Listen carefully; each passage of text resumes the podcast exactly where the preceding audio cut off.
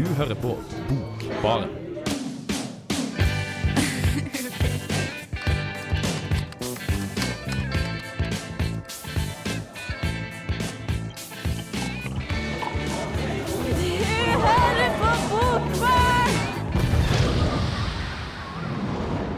Velkommen, velkommen. Er du en av dem som når du hører ordet tegneserier, automatisk styrer tankene inn mot en viss and med matroshatt og et temperament så hissig at halvparten burde være nok til å få en innesperra? Frykt ikke. I dagens sending av Bokbarn så vil Kristine Bangstad Fredriksen, Vida Sundset Brenna, Hans Kvernsjøli, Martin, Martin Ingebrigtsen og Arne By utvide din grafiske horisont. Og Eline Bjerkan. Ja. Ikke minst. Men er du en av dem som er hakket mer bevandra mellom tegneseriepermene, så len deg tilbake og nyt, for denne sendinga vies til tegneserier. Vi skal nok både innenlands og utenlands, men Andeby holder vi oss langt unna denne gangen. Jeg heter Eline Bjerkan, og du skal høre mer fra oss etter Fantogram med Don't Move. Bokbarn. Bokbarn. Bokbarn. Bokbarn. Bokbarn.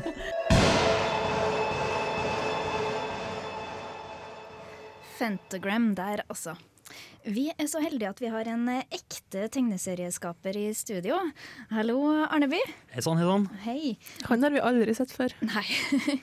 Men forskjellen da er at i dag så er du her som tegneserieskaper og ikke tekniker. Riktig. Mm. Det er rart å være på denne sida av glasset. Ja, det kan jeg tenke meg. Men eh, du skal likevel fortelle litt om, eh, om hvordan det er å være tegneserieskaper. Riktig. Hva, hvor, ja, du har vært på turné og sånn, vet jeg. Hvordan er egentlig det? Ja, altså, jeg er fortsatt på turné. Eh, Jeg er ca. halvveis i turneen akkurat nå. Jeg har vært i Kristiansand og Stavanger og signert og møtt tegneseriefans. Det er veldig gøy. Får du, har du mange fans? Skal vi se, Det har vært ca. 20 stykker innom på hvert sted, så det er ikke sånn kjempemye, men Får tegneserieskapere groupies? ja, det gjør de. Og få høre! Skal så Det var en gang at jeg signerte en, en pupp, ja. Uh, Det er lekkert. Men uh, det her er jo pga. Mira at du, eh, at du uh, fer rundt og turnerer nå. Kan du fortelle litt sånn generelt om den tegneserien? Ja, Mira er jo eh, en 18 år gammel jente. Hun blir 18 år i det albumet her. Eh, Bosted eh, Trondheim. Eh, Det handler jo om eh, hverdagslivet hennes, hvordan hun takler det. Hun er jo veldig usikker på seg sjøl på alle mulige måter. Altså For å gjøre eh, ting litt mer komplisert for oss, så har jeg gjort henne lesbisk. Ja. du, er, du er snill med karakterene dine, eller? Å ja. Ja. Men eh, jeg vet at du har hatt andre prosjekt før òg. Kan du fortelle litt om det, og hvorfor har du endt opp med Mira som det liksom, hovedprosjektet? ja. Jeg prøver jo egentlig å glemme den Holger Hagbart, da, som eh, alle sammen kommer og drar frem hele tida. Det ble dratt frem når jeg var i Bodø nå eh, på serietreff på lørdag nå.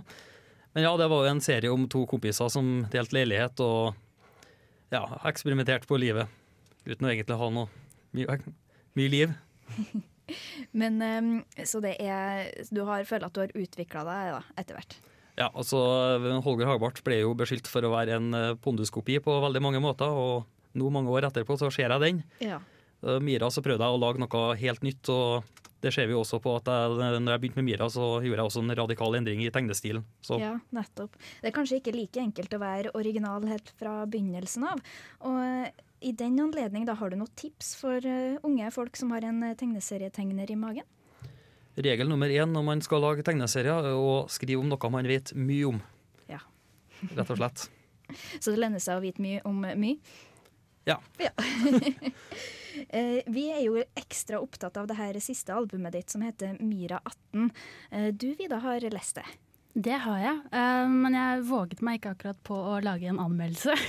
OK. Selv om eh, det hadde vært kjempegøy å gjøre det. Men jeg har laget en liten eh, omtale, hvor jeg snakker litt om eh, hva som skjer eh, i, i fortellingen. Og så må jeg jo bare si at jeg er veldig imponert over at Arne her vet mye om, om livet til 18 år gamle lesbiske jenter. det er jeg fornøyd med. Vi skal høre litt mer på hva du har å si om det, men eh, først Ja, det skal du få høre på først nå, faktisk. Og etter det så får dere Bleached med 'Searching Through the Past'. Hovedpersonen i Arne Byes tegneserieunivers er 18 år gamle Mira. Mira er en litt typisk mistilpasset 18-åring. Hun sliter med selvtilliten, er håpløst forelsket og krangler med familien sin. Mira bor sammen med tanten og kusinen, hunden Vark, og har, ikke helt typisk, et monster som heter Mons Terje i skapet. Figurene i tegneserien har store øyne og hoder, og er tegnet i en enkel og naivistisk stil. De står i stil med det enkle og dagligdagse språket som forteller historiene. Arnebys nye album om Mira heter 18, og fortellingen hopper mellom Miras åtteårsdag og 18-årsdag. På åtteårsdagen ser vi Mira med mor og far, og litt med skapmonsteret Mons Terje. Dagen er sånn som bursdager bør være. Hun får frokost på sengen og en liten hundevalp i gave. 18-årsdagen til Mira derimot står i grell motsetning til 8-årsdagen hennes. Den eneste som husker bursdagen hennes, er fantasivennen Mons Terje. Det striregner, og hun kommer for sent til skolen. Og det må være nok til å få noen om hver, og spesielt 18-åringer med mye agg i seg, til å tenke at dette må være verdens dårligste bursdag. Derfor lurer man kanskje litt på hvorfor Mira tenker at dette bare er verdens nest verste bursdag. Tilbake på åtteårsdagen til Mira blir hun passet av tanten mot sin vilje, for åtteårige Mira syns at tante er en skikkelig heks. Foreldrene er og henter onkelen på flyplassen, og Mira og tanten får beskjed om at det er skjedd en ulykke, og verden raser sammen bokstavelig eller mer billedlig talt. For her er det tegnet at svart farge renner nedover papiret og over myra. Og det sammen med murstein som hagler over hodet hennes. Denne delen av 18 er ganske så dyster, men andre deler er mer eh, humoristiske. 18-årige Myra skulker skolen for å dra på en vill roadtrip med vennene sine til et sted de kan skremme elger. Her kommer de opp i en hel haug pussige situasjoner. De havner i et bilkrasj, de møter de lokale innbarka bygdetrønderne og ender i en konfrontasjon med en legendarisk kjempehelg. Med en kanskje litt uh, menneskelig natur, da. Samtidig som dette er tanta på handletur for å finne den perfekte gave for å gjøre opp for at hun glemte 18-årsdagen. Mira har skrevet en ønskeliste, men det viser seg at det ikke bare er lett for en voksen dame å akseptere noe alternativ 18-årings preferanser for klær, musikk og bøker. Og monsteret Mons Terje er ikke det eneste Mira har i skapet. For uten at det blir sagt eller tenkt i en boble, er hun faktisk forelsket i bestevennen sin Emma. Når Mira ser på Emma, popper det opp små hjerter rundt hodet hennes og vi skjønner at dette er en viktig ting i Miras liv, uten at vi får vite så mye mer om det. Derfor er det vel flere historier som kan fortelles om Mira, og kanskje kommer en oppfølger hvor eh, Mira får ryddet i klesskapet.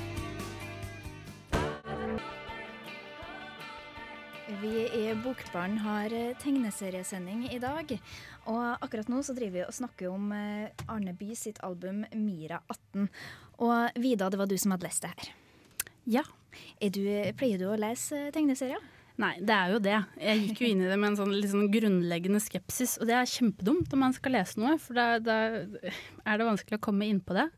Samtidig så er det jo en tegneserie, og det er jo noe jeg er vant til å lese på en eller annen måte, selv om jeg tenkte at jeg leser jo ikke tegneserier, men jeg har jo faktisk lest masse tegneserier uh, da jeg var liten, Ja. og vært veldig glad i det. Så man får noe ut av å lese tegneserier. Ja, Så det går an for folk som på en måte ikke har lest tegneserier på en stund, å bare hive seg inn i det òg? Ja, og det er så fint. Ja. Men uh, Arne, det her uh, albumet Ja. Var det Jeg vet at du har hatt ideen en stund, nemlig. Var det en, et helvete å få til, eller? Ja, det var et veldig av og på-prosjekt. da. Eh, Jeg kom vel frem til at ideen ble presentert for redaktøren min tilbake i september 2008. Altså tre år før albumet ble sluppet. Og um, Første side ble tegna i Steinkjer. Der også ble synopsiset skrevet. Og så ble det lagt bort. Og så tok jeg frem og skrev et endelig manus i Bodø og tegna et par sider. Og så ble det lagt bort igjen. Og så tok jeg en skikkelig økt nå i sommer og ble endelig ferdig. Ja. Men jeg vet jo det har vært litt eh, klabb og babb med både printing og andre ting også. Ja, det, det var et forlag som eh, Det er ikke forlag, trykkeriet. De sendte jo ikke det prøveeksemplaret som jeg hadde sendt, altså, eller bedt om. Så eh, det ble jo ekstra spennende og når jeg skulle komme ned til Bergen og se det endelige eksem, eksemplaret da, dagen det skulle slippes Ja, for hva var det som skjedde i Bergen? i Bergen. Ja. I Raptus, vet du. Raptus, ja. Raptus tegneseriefestival. Den må du fortelle litt om. Ja, nå må det sies at eh, jeg har litt annet syn på Raptus enn de fleste som besøker. Da. Det er lenge siden at jeg var sånn at nå skal jeg på mest mulig foredrag, nå skal jeg skaffe signaturer fra de kjente serieskaperne. Raptus for meg er stort sett å sitte på stand og prøve å pushe tegneserier i løpet av en hel helg. Ja. Men det var faktisk en av de bedre festivalene. Det var ikke så stort fokus på superhelter og Donald Duck, sånn som har vært tidligere. For det har jo blitt kritisert for å være en festival som appellerer til dem som leste tegneserier på 80-tallet. Ja. Men i år var det et lite fokus på nettserier. Og hadde besøk av uh, Ethan Nicole, blant annet, som uh, lager tegneserien X-Cop. Som Mm. han lager i samarbeid med lillebroren sin på fem år. Han skriver manus, eller forteller manus, og det handler da om en politimann med, som bekjemper kriminalitet med øks. Og det, var, Blir det morsomt? det blir veldig morsomt. Så eh, Lillebroren kunne jo ikke være med på, på Raptus, da, så fredag kveld så var det intervju via Skype med han like før han for på skolen, amerikansk tid. Åh. Han, tror du han kommer til å bli en, en stor tegneserieskaper etter hvert? Han, han er vel allerede en stor tegneserieskaper? Ja. Eller forfatter, da. Men eh, det som jeg legger kanskje mest merke til i, eh, i Mira, er jo at det er veldig lokalt, jeg som kommer fra Trondheim og sånn. Kjenner jo det. Eh, hva er, har du noen tanker om det, og hva er grunnen til at du valgte å, å skrive såpass lokalt? Det er jo ganske bevisst. da, altså Det er jo igjen da det der med at man skal skrive om noe man vet mye om. Men eh, samtidig, Da jeg gikk på videregående, så leste jeg en eh, bok av Fredrik Skagen, et uh, nattsug, tror jeg den het, hvor, eh, som åpner da utafor hovedpostkontoret i Dronningens gate her i Trondheim. Og da tenkte jeg jøss, går det her an? Og så slo det meg litt senere da at eh, tja, Niemi foregår i Oslo, Ernie foregår i Bayonne, New Jersey, Rocky foregår i Stockholm. Ja. Hvorfor ikke? Og Pondus foregår helt sikkert i Bergen. Ja, Det blir aldri sagt, men eh, det stemmer sikkert. Ja. Jeg vet i hvert fall at han er veldig um, obs på å, at man skal si ja, katten og er n-endinga overalt. Så Det stemmer. det er nok eh, Man har en forkjærlighet for der man kommer fra. Det virker som at det er en trend blant tegneserieskapere. Eh, Men eh, kommer det flere album fra deg da, om Mira? Det gjør det. Jeg har noe under planlegging allerede. Ja. vet ikke om jeg vil si så veldig mye, men jeg gruer meg til å tegne Nidarosdomen. Den kommer til å være sentralt, og jeg skal tegne den mange ganger. Så det, det der Barbie-slottet som jeg har banna over i 18, det blir barnemat i sammenligning. Det er bare å begynne å øve. Eh, nå skal vi snart høre en sang som heter 'Turning Japanese' av The Vapors. Og eh, kan du fortelle hvilken sammenheng det har med Mira? Ja, eh, det ble jo allerede nevnt i omtalen at eh, Mira og vennene stikker av fra skolen og kjører ut på bygda. Og idet de nærmer seg Skatval, så kjøres eh, Turning Japanese på bilstereoen. Her får du altså 'Turning Japanese'. Hei, dette er Jostein Gaarder. Du hører på Bokbaren i Radio Revolt. Vi fortsetter der vi slapp med Raptusfestivalen i Bergen. Og Hans Kvernskjeli har jeg med meg her, og Martin Ingebrigtsen, dere skal snakke litt om norske serier. Ja, vi skal visst det. Ja. Ja, vi skal forsøke. Jeg har um, fått uh, Dadaf Seraf stukket i hånden av um, nummer fire, faktisk. Tror du den er nødt til å uttales med aggresjon? Dadaf, jeg. Ja, jeg tror det. Ja. Det, er, det, det er dobbelt R, eh, så jeg tror faktisk det også, og det er i hvert fall Seraf, eh, Ok. på en veldig sånn metal-måte. Det er fett, det. til forskjell fra serien. Uh, Uff da. det er, Hans sin mening kommer, eh, kommer med en gang. Kan få unna informasjonen først? da Det her er Bård Lilleøyen. Uh, hvem er Bård Lilleøyen? Han er på turné med, turné med Arne nå, det er det jeg okay. vet. Så dette er det som trekker ned kvaliteten på turneen, og sånn skal holde seg på et akseptabelt nivå. Ok. Det er bra Arne er med. Nettopp. Uh, ho- min hovedinnvending er at den er så vanvittig norsk, den der greia der. Er det ikke bra å være norsk? Uh, ikke når du bare tar ut all humor ut av uh, noe som kunne vært en helt grei fantasy-tegneserie. Bare slenge sammen en hel haug elementer fra kjente norske tegneserier og tar ut all humoren av det, og så sitter du igjen da med noe som prøver å være morsomt, ikke er konsekvent nok, og blir litt litt vel kjedelig. Men eh, hva er det egentlig det handler om? Det handler om denne, Dadaf som har blitt um, et uhell Gud. Det høres jo egentlig ganske fett ut. ja, det, det- det høres egentlig ganske fett ut, men det blir ganske kjedelig. Av en eller annen grunn. Og så er det da en mørkets hersker som kommer inn i det her, og som må beseires av litt uviss grunn, egentlig. Og så er det noen uh, avdanka mørke krefter som uh, kommer inn i det her også. Men altså, Det er mørkets hersker som skal bekjempes uten grunn. altså det, det, det burde jo si seg sjøl hvorfor den skal bekjempes, tenker jeg. Eh, det er mørkets det sier- hersker. Eh, er det elementer fra norrøn mytologi her, siden du sier at det er så veldig norsk? Nei, det er mer på hvordan tegneserien er. Ok? Altså Jeg får en feeling av at her er det han Det minner meg litt for mye om Nemi, og jeg liker ikke Nemi. La oss bare uh... Liker du ikke Nemi? På et generelt plan, nei. Der vil jeg faktisk si meg enig i, i Hans. Altså, Nemi er jo eh, oppgulp av standardiserte vitser av fullstendig uinteressante karakterer som alle sammen er malt på liksom ensfarga bakgrunner. Som Det er jo- igjen er blitt tygd på, tygd på, tygd Ja, på. og hvor gammelt er det nå? 15 år? Ja. Seriøst, ass. Ja, det er fint at jeg skal snakke om hva jeg syns om tegneserier. Motvekter. Motvekter. Ja, jeg, jeg, det er ikke helt sånn Nemi, at det er, men det er litt for mye i den gata, da. Syns jeg. Men eh, du snakka tidligere om at det, her, eh, at det var en tendens eh, kanskje i norske serier.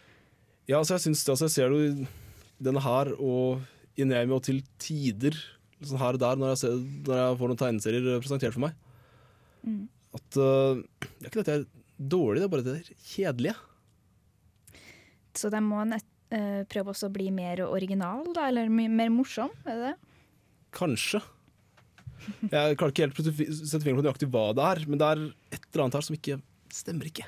Uh, kan jeg få komme et sånn lite sånn kunstpolitisk innlegg uh, på, et, tidspunkt der? Eh, jeg tar meg lov. Uh, for jeg, jeg er litt enig. Jeg syns, jeg syns veldig mange norske tegneserier dessverre uh, lider under å, ikke kanskje være så ferdig og så gjennomarbeida som man burde gjort. Eh, men jeg tror dette her har en veldig, veldig naturlig forklaring. Eh, det finnes nemlig ingen, så vidt jeg vet, eh, statlige støtteordninger for tegneseriekunstnere i Norge. I motsetning til billedkunstnere og forfattere og skjønnlitterære bøker, til og med krimforfattere, så er det ikke eh, noen no, no form for stipender eller utviklingshjelp å få hvis du er tegneserietegner. Eh, det her syns jeg er kjempedumt. Eh, For eh, når vi ser på hvor bra Norge er på skjønnlitteratur og kunst, og på veldig mange av de eh, områdene hvor staten faktisk bidrar og, og, og gir hjelp, så ser du at det gir resultater. Og på tross av at den altså, fullstendige mangelen på støtte finnes, så har vi likevel tegneseriekunstnere på et veldig høyt nivå. Så Steffen Kverneland og Lars Fiske og Jason, sjøl om han jo emigrerte til Paris. det, altså, det også sånn, da. Så det kan kanskje være noe der. Ja, vi får håpe at de eh, tar seg sammen eh, etter hvert. Og kanskje har det gått bedre med den, eh, det albumet du har sett på, Kristine? Ja, eller tja. Det, er et, det er et godt utvalg av norske tegneserier i alle fall, fordi at eh, det jeg har lest er jubileumsboka til nettserier.no, og nettserier.no er så absolutt et eh, godt tips for folk med en eh, tegneserieskaper i magen. Her går det an å legge inn sine egne tegneserier og få tilbakemeldinger på det, og lese andre sine, og gi kritikk og motta kritikk. Så hvem som helst kan legge inn eh, sine egne serier her? Ja. Oi. Og Arne By, eh, som sitter i hjørnet i studio her, har jo vært med siden starten. Og det jubileumsheftet her da, eh, heter Unplugged, og skal ja, markere femårsdagen til nettsida. Syns du den Hva syns du altså, jeg kan tenke meg at det blir veldig mye forskjellig her, da. Eh, Hvordan har de presentert eh, alt det her? Er det en eh, rød tråd inni her et sted, eller? De har, ja, jeg skal fortelle mer om det her i, i, i saken min, hvis jeg skal kalle det det. Um, men jeg må bare poengtere at ja, jeg har ikke peiling på tegneserier. Så hvis vi bare kan spole over alt det her, og så hører vi på det jeg har prøvd å gulpe opp. Det er så fint å ha sjarmerende og nerdete guttevenner som forteller meg om ting jeg egentlig aldri har hatt en stor interesse for, men som det etter hvert viser seg at egentlig kan være ganske spennende. Interessen for tegneserier har for min del aldri strykket seg lenger enn til Donald, Nemi og et utvalg julehefter fått i strømpa på julaften. Men etter samtale med nevnte venner har jeg oppdaga tegneserieuniverset. I dette tilfellet det norske tegneserieuniverset. Da er nettserier.no et godt utgangspunkt. Og jubileumsboka nettserier.no Unplugged gir et godt innblikk i hva som har foregått i løpet av nettsidas første fem år. Nå påpeker grunnleggeren Olaf Moriarty Solstrand sjøl at en utgivelse i papirform som må betales for, er noe som strider med grunnideens ideologi. Konseptet nettserier.no bygger på at digital distribusjon kan være minst like bra som papirutgivelser, og at det skal være gratis og åpent for alle. Allikevel da altså ei jubileumsbok. Jubileumsboka nettserier.no Unplugged presenterer de fem mest populære tegneseriene fra hvert år siden har eksistert. Det vil si totalt 25 serier. I tillegg kommer et par artikler eller tekst med nerding og nostalgi, som det kalles i forordet i boka. For meg, som er relativt grønn og uskyldig i tegneserieverden, hopper jeg lett over sagaen om Dadaf Seraf, og siden jeg er trønder, flirer jeg godt av Nilsen og Viktor av Preben Moan og Streit av Bodil Revhaug. Ellers oppdaga jeg akkurat at tegneserier egner seg dårlig til å presenteres over radio. Her er et forsøk fra Nilsen og Viktor. Jeg var jo bare på jobb og holdt samfunnshjulene i gang, så får jeg uten forvarsel fleksa et kvinnerektum i trynet. Rektum? Du så vel ikke selve rektum? Nei da, men av og til sier jeg rektum i stedet for ræva. Ræva kan virke litt vulgært, og rumpa kan virke litt sånn søringaktig. Mens rektum har et litt sånn fagspråkaktig sus over seg. Sier du Mikkel ræv eller Mikkel rektum? Kommer helt an på situasjonen. Uh, ja. Ellers er kulturelle referanser i kombinasjon med tørrvittighet morsomt. Som da reven i tegneserien Ræveland av Jorunn Hanto Hauge utbryter. Æhæ, tok nesen din til Voldemorts skeptiske blikk. Veldig artig med rævhumor. En tegneserie jeg har blitt tipsa om av en kompis, er Optipes av Christian Nygaard, som i det siste har fått mange likes på stumbleupon.com. Verdt å merke seg, tror jeg. Ellers, siden jeg absolutt ikke har noen ambisjoner om å være objektiv og upartisk i denne saken, vil jeg trekke fram Mira av Arneby som min store favoritt. En tegneserie jeg har lest mye før, og som jeg definitivt vil følge med på videre. Det mener jeg. Nesten alt det jeg har sagt her, er en oppvisning i Kristine snakker om ting hun ikke kan noe om, som nesten må vurderes som konsept til ny spalte hos Bokbaren. Forresten, om noen hadde laga en tegneserie av hva som skjer i studio mens du, kjære lytter, hører på musikk, tror jeg den hadde blitt hysterisk morsom. Tenk på det, du, mens du koser deg med musikk.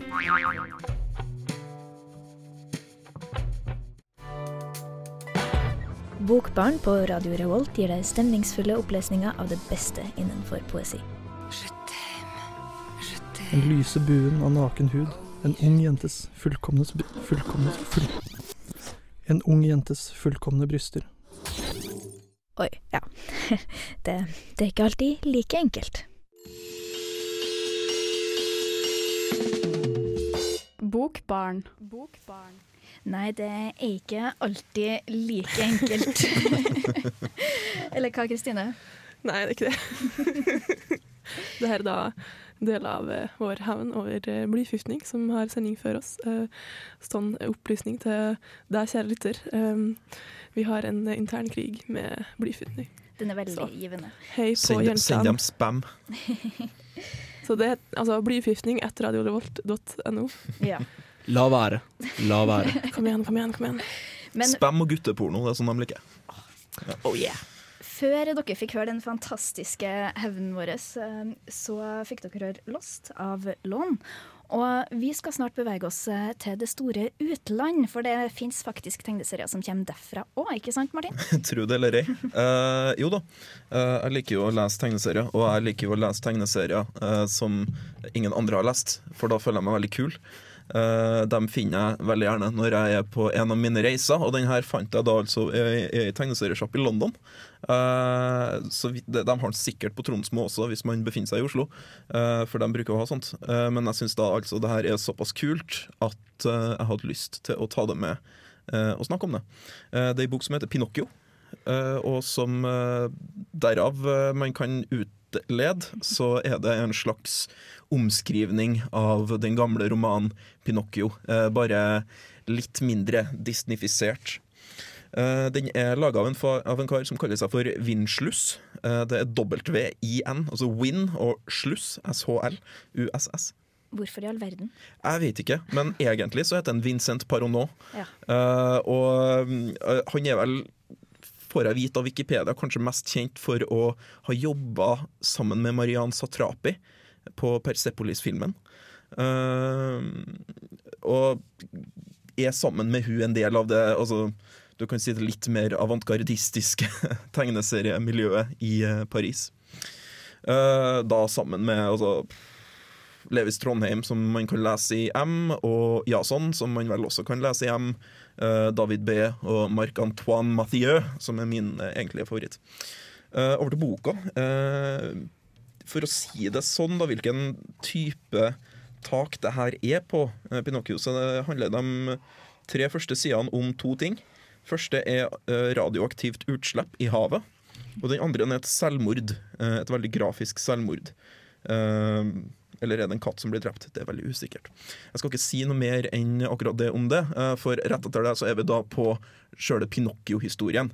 Eh, Den er litt grann som forholder seg til det klassiske, som vi kjenner fra romanen og fra Disney-filmen, selvfølgelig. Eh, sånn rent bortsett fra at en del småting er blitt forandra. For eksempel så er Pinocchio ikke laga av tre, han er laga av metall. Og Geppetto er en våpenoppfinner, så han har oppfunnet Pinocchio som en supersoldat. Som har en flammekaster eh, som nese. Eh, kona til, de, til Geppetto eh, finner derimot ut at Pinocchio er vel så Altså Pinocchio sin nese er vel så eh, brukelig som dildo. Eh, så hun er litt uheldig eh, da Altså, Flammekasteren går av mens hun da rir nesa til Pinocchio. Eh, Jimmy, altså Jimmy Gresshoppe, eller Jimmy Kakerlakk, som han heter i denne boka, her, han er da en mislykka forfatter som bor i hodet til Pinocchio og, og drikker, stort sett. Eh, sånn, det går liksom litt sånn slag i slag derifra, for etter at Pinocchio har svidd av huset til Gepetto, så rømmer han. Gepetto følger etter, som vi jo kjenner fra boka. Eh, og så følger det liksom sånn historien litt løst. da Han blir uh, solgt som barneslave, han havner i magen på en hval. Han kommer av en eller annen rar grunn så blander han seg inn i et sånn fascistregime et eller annet sted. Altså, hvor det er en klovn som er Det er veldig, veldig rart. Uh, uh, og i tillegg så får vi Star Wars-referanser, vi får Snøhvit og de syv dvergene-referanser, uh, hvor Snøhvit da selvfølgelig holder som sexslave. Eh, og det er veldig mye sånn Det som på en måte redder det her, da, som jeg egentlig kanskje ville stila litt på, fordi det er såpass langt ut, det er det at eh, det er veldig morsomt utført. Tegneserien er nesten ordløs, det er veldig mye bevegelse i bildene. Vi får en veldig god sånn stemningsbeskrivelse hele veien, og det er veldig løst og ledig. Eh, sånn fargemessig vil jeg også si, for det er fantastisk eh, fargelagt bok. Eh, fargene minner litt om det vi kan kjenne fra Crazy Cat. Bortsett fra at det er mye mindre minimalistisk. Det er mer liksom bare fargene. Bildene er også veldig veldig godt komponert. Altså det, det, er sånn, det er veldig sånn arven etter Herge, som man kan se igjennom her. Veldig mye bra. Du må nesten si noe om eh, coveret, for jeg lurer på, veldig på hvordan får man gitt ut noe som er så drøyt uh, i- en så fin innpakning. det er det. Uh, De er jo en gjeng her, franskmennene, altså, som, som på en måte klarer å lage veldig spennende tegneseriekunst og klarer å få ganske flotte utgivelser ut av det. Jeg regner med at det sannsynligvis koster forlaget litt grann penger. Nå er jeg litt usikker på om den her, det er jo den engelske versjonen. Utgitt av noe som heter Last Gasp. Eh, tydeligvis. Hva slags forlag det er, det vet jeg ikke. De er franske. Det er det som svarer. Eh, De er Ja, boka her er jo da oversatt til engelsk. Altså, den er nesten helt ordløs, men eh, det, det som er av språket her, er på engelsk. Eh, Jeg tror at Winchellus før har vært kjent for å gi ut ganske fullstendig ordløse tegneserier, og at det er derfor at ingenting av greiene hans er oversatt. Eh, Men jeg har også fått eh, forespeila at dette her er altså det han har jobba med lenge. Dette her på en måte Han er sånn gjennombrudd. Han har vunnet litt sånn priser for den og sånn. også, det, og absolutt fortjente priser. Det er en veldig veldig kul bok som jeg synes alle sammen burde, burde sjekke ut. Ja, den er jo eh, Det virker jo som en ganske mye mindre sentimental versjon av det ordentlige eventyret. Den tar, den tar jo barneminnene dine og, og gjør ting med dem. Eh, og den, det, det er ingenting som er tabu her, for å si det sånn. Men en annen tegneserie som også gjør akkurat det samme, tar for seg kjente og kjære folkeeventyr og gjør noe nytt. Kanskje ikke like ekstremt, men uh, ganske, ganske revolusjonerende det òg. Det er jo Fables Ja, av Bill Willingham. det har vi snakket om før i Bokbarn også. Det Det har det har vi. Ja, og Og, og det er jo kanskje noe som eh, også passer inn i bokhylla til den som allerede har lyst til å ha Pinocchio. Ja, kanskje det. Eh, jeg har ikke lest så mye Fables sjøl, men jeg liker Fables. Det er last. lest. Ja, ja. Jeg liker bare franske ting. Vet. Ah, ja. Jeg må bare si at jeg er så utrolig imponert over tegneserienerdinga deres. Um, jeg føler at det bare tjing, forsvinner ut i horisonten. Jo da. Ja, Du gjør jo det. Takk. I sammenheng med franske så er det vel også mulig å nevne Manuel Civiellos uh, Bit of Madness, som jeg har snakka om tidligere. Som uh, er litt i samme gata med at den gjenforteller uh, Eller gjenforteller ikke, da, men den baserer seg på kjente og kjære fortellinger. ja. Og gjør ting med dem på et litt annet nivå. Andre serietegnere som eh, også absolutt fortjener å nevnes, er jo Neil Gaiman. Ja. Det La aldri en anledning gå forbi. Nei. Man kommer liksom ikke utenom det, og det er flere som har latt seg inspirere av han her. Blant annet Dave McKean, som er kjent for Cages og litt forskjellig. Han har kommet ut med en ny uh, graphic novel nå, som er en erotisk no, graphic novel, bare så man er forberedt på det. Uh, veldig fin, da. Så heter Graphic Celluloid. novel i seg sjøl høres jo ganske erotisk ut. Er det, er det, er det, er det, metalliske nesa brukt som dildoer inn? Nei, vet du, det Da er vinner min! Det jobba. litt mer- Flammekasternesa. Litt mer subtil, altså. Det skal den ha. Uh, vi skal snart uh, få høre mer om Sandman, men først så er vi glad i Cripple Creek Ferry med Neil Young.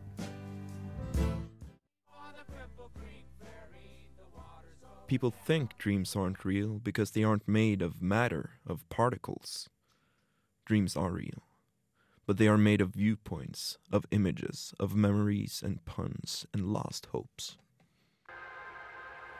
Det var et sitat fra Neil Gaimans tegneserie Sandman. En surrealistisk suppe av en serie på 75 historier, fordelt over 11 tegneseriehefter, som garantert vil få deg til å rive deg i håret. Få dine små grå til å koke og boble og jobbe for harde livet, mens de desperat prøver å finne ut av hva faen? Hva faen? For det er store tema som blir tatt opp. Gamen briljerer med forskjellige verdener, mytologi, tid og rom og en god dæsj menneskelig natur som han smelter sammen, snur opp ned på og krydrer med sin egen hemmelige ingrediens, sånn at resultatet blir helt ulikt noe annet du har lest før. Hovedpersonen er Dream, en personifikasjon av ideen om å drømme, en drømmeverden, forestillinger og historier. Han har en søskenflokk som også representerer ulike aspekt ved det å være menneske.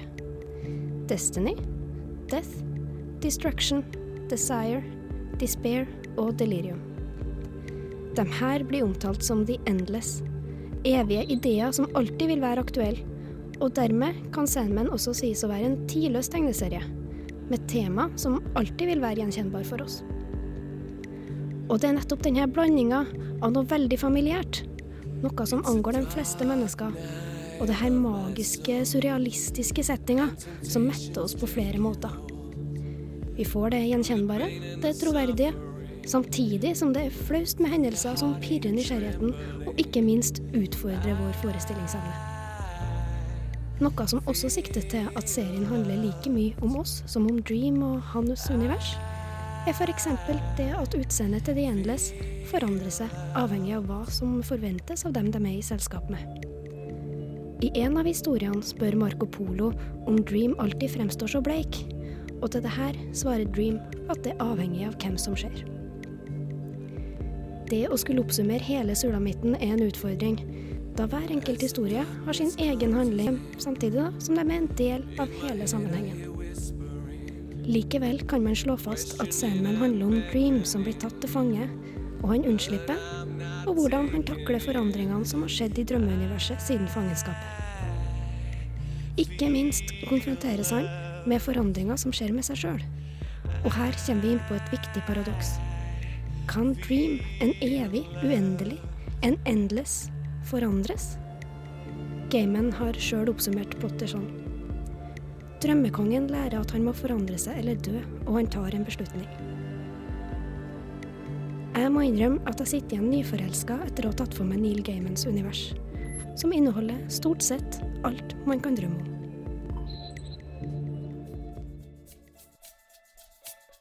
Ja, hallo, ja. Du, Trondheims eh, vakre fjell og Nidelv Nei, Det er Tore Renberg her. Dette er studentradioen i Trondheim. Og du er jævlig heldig som har på den.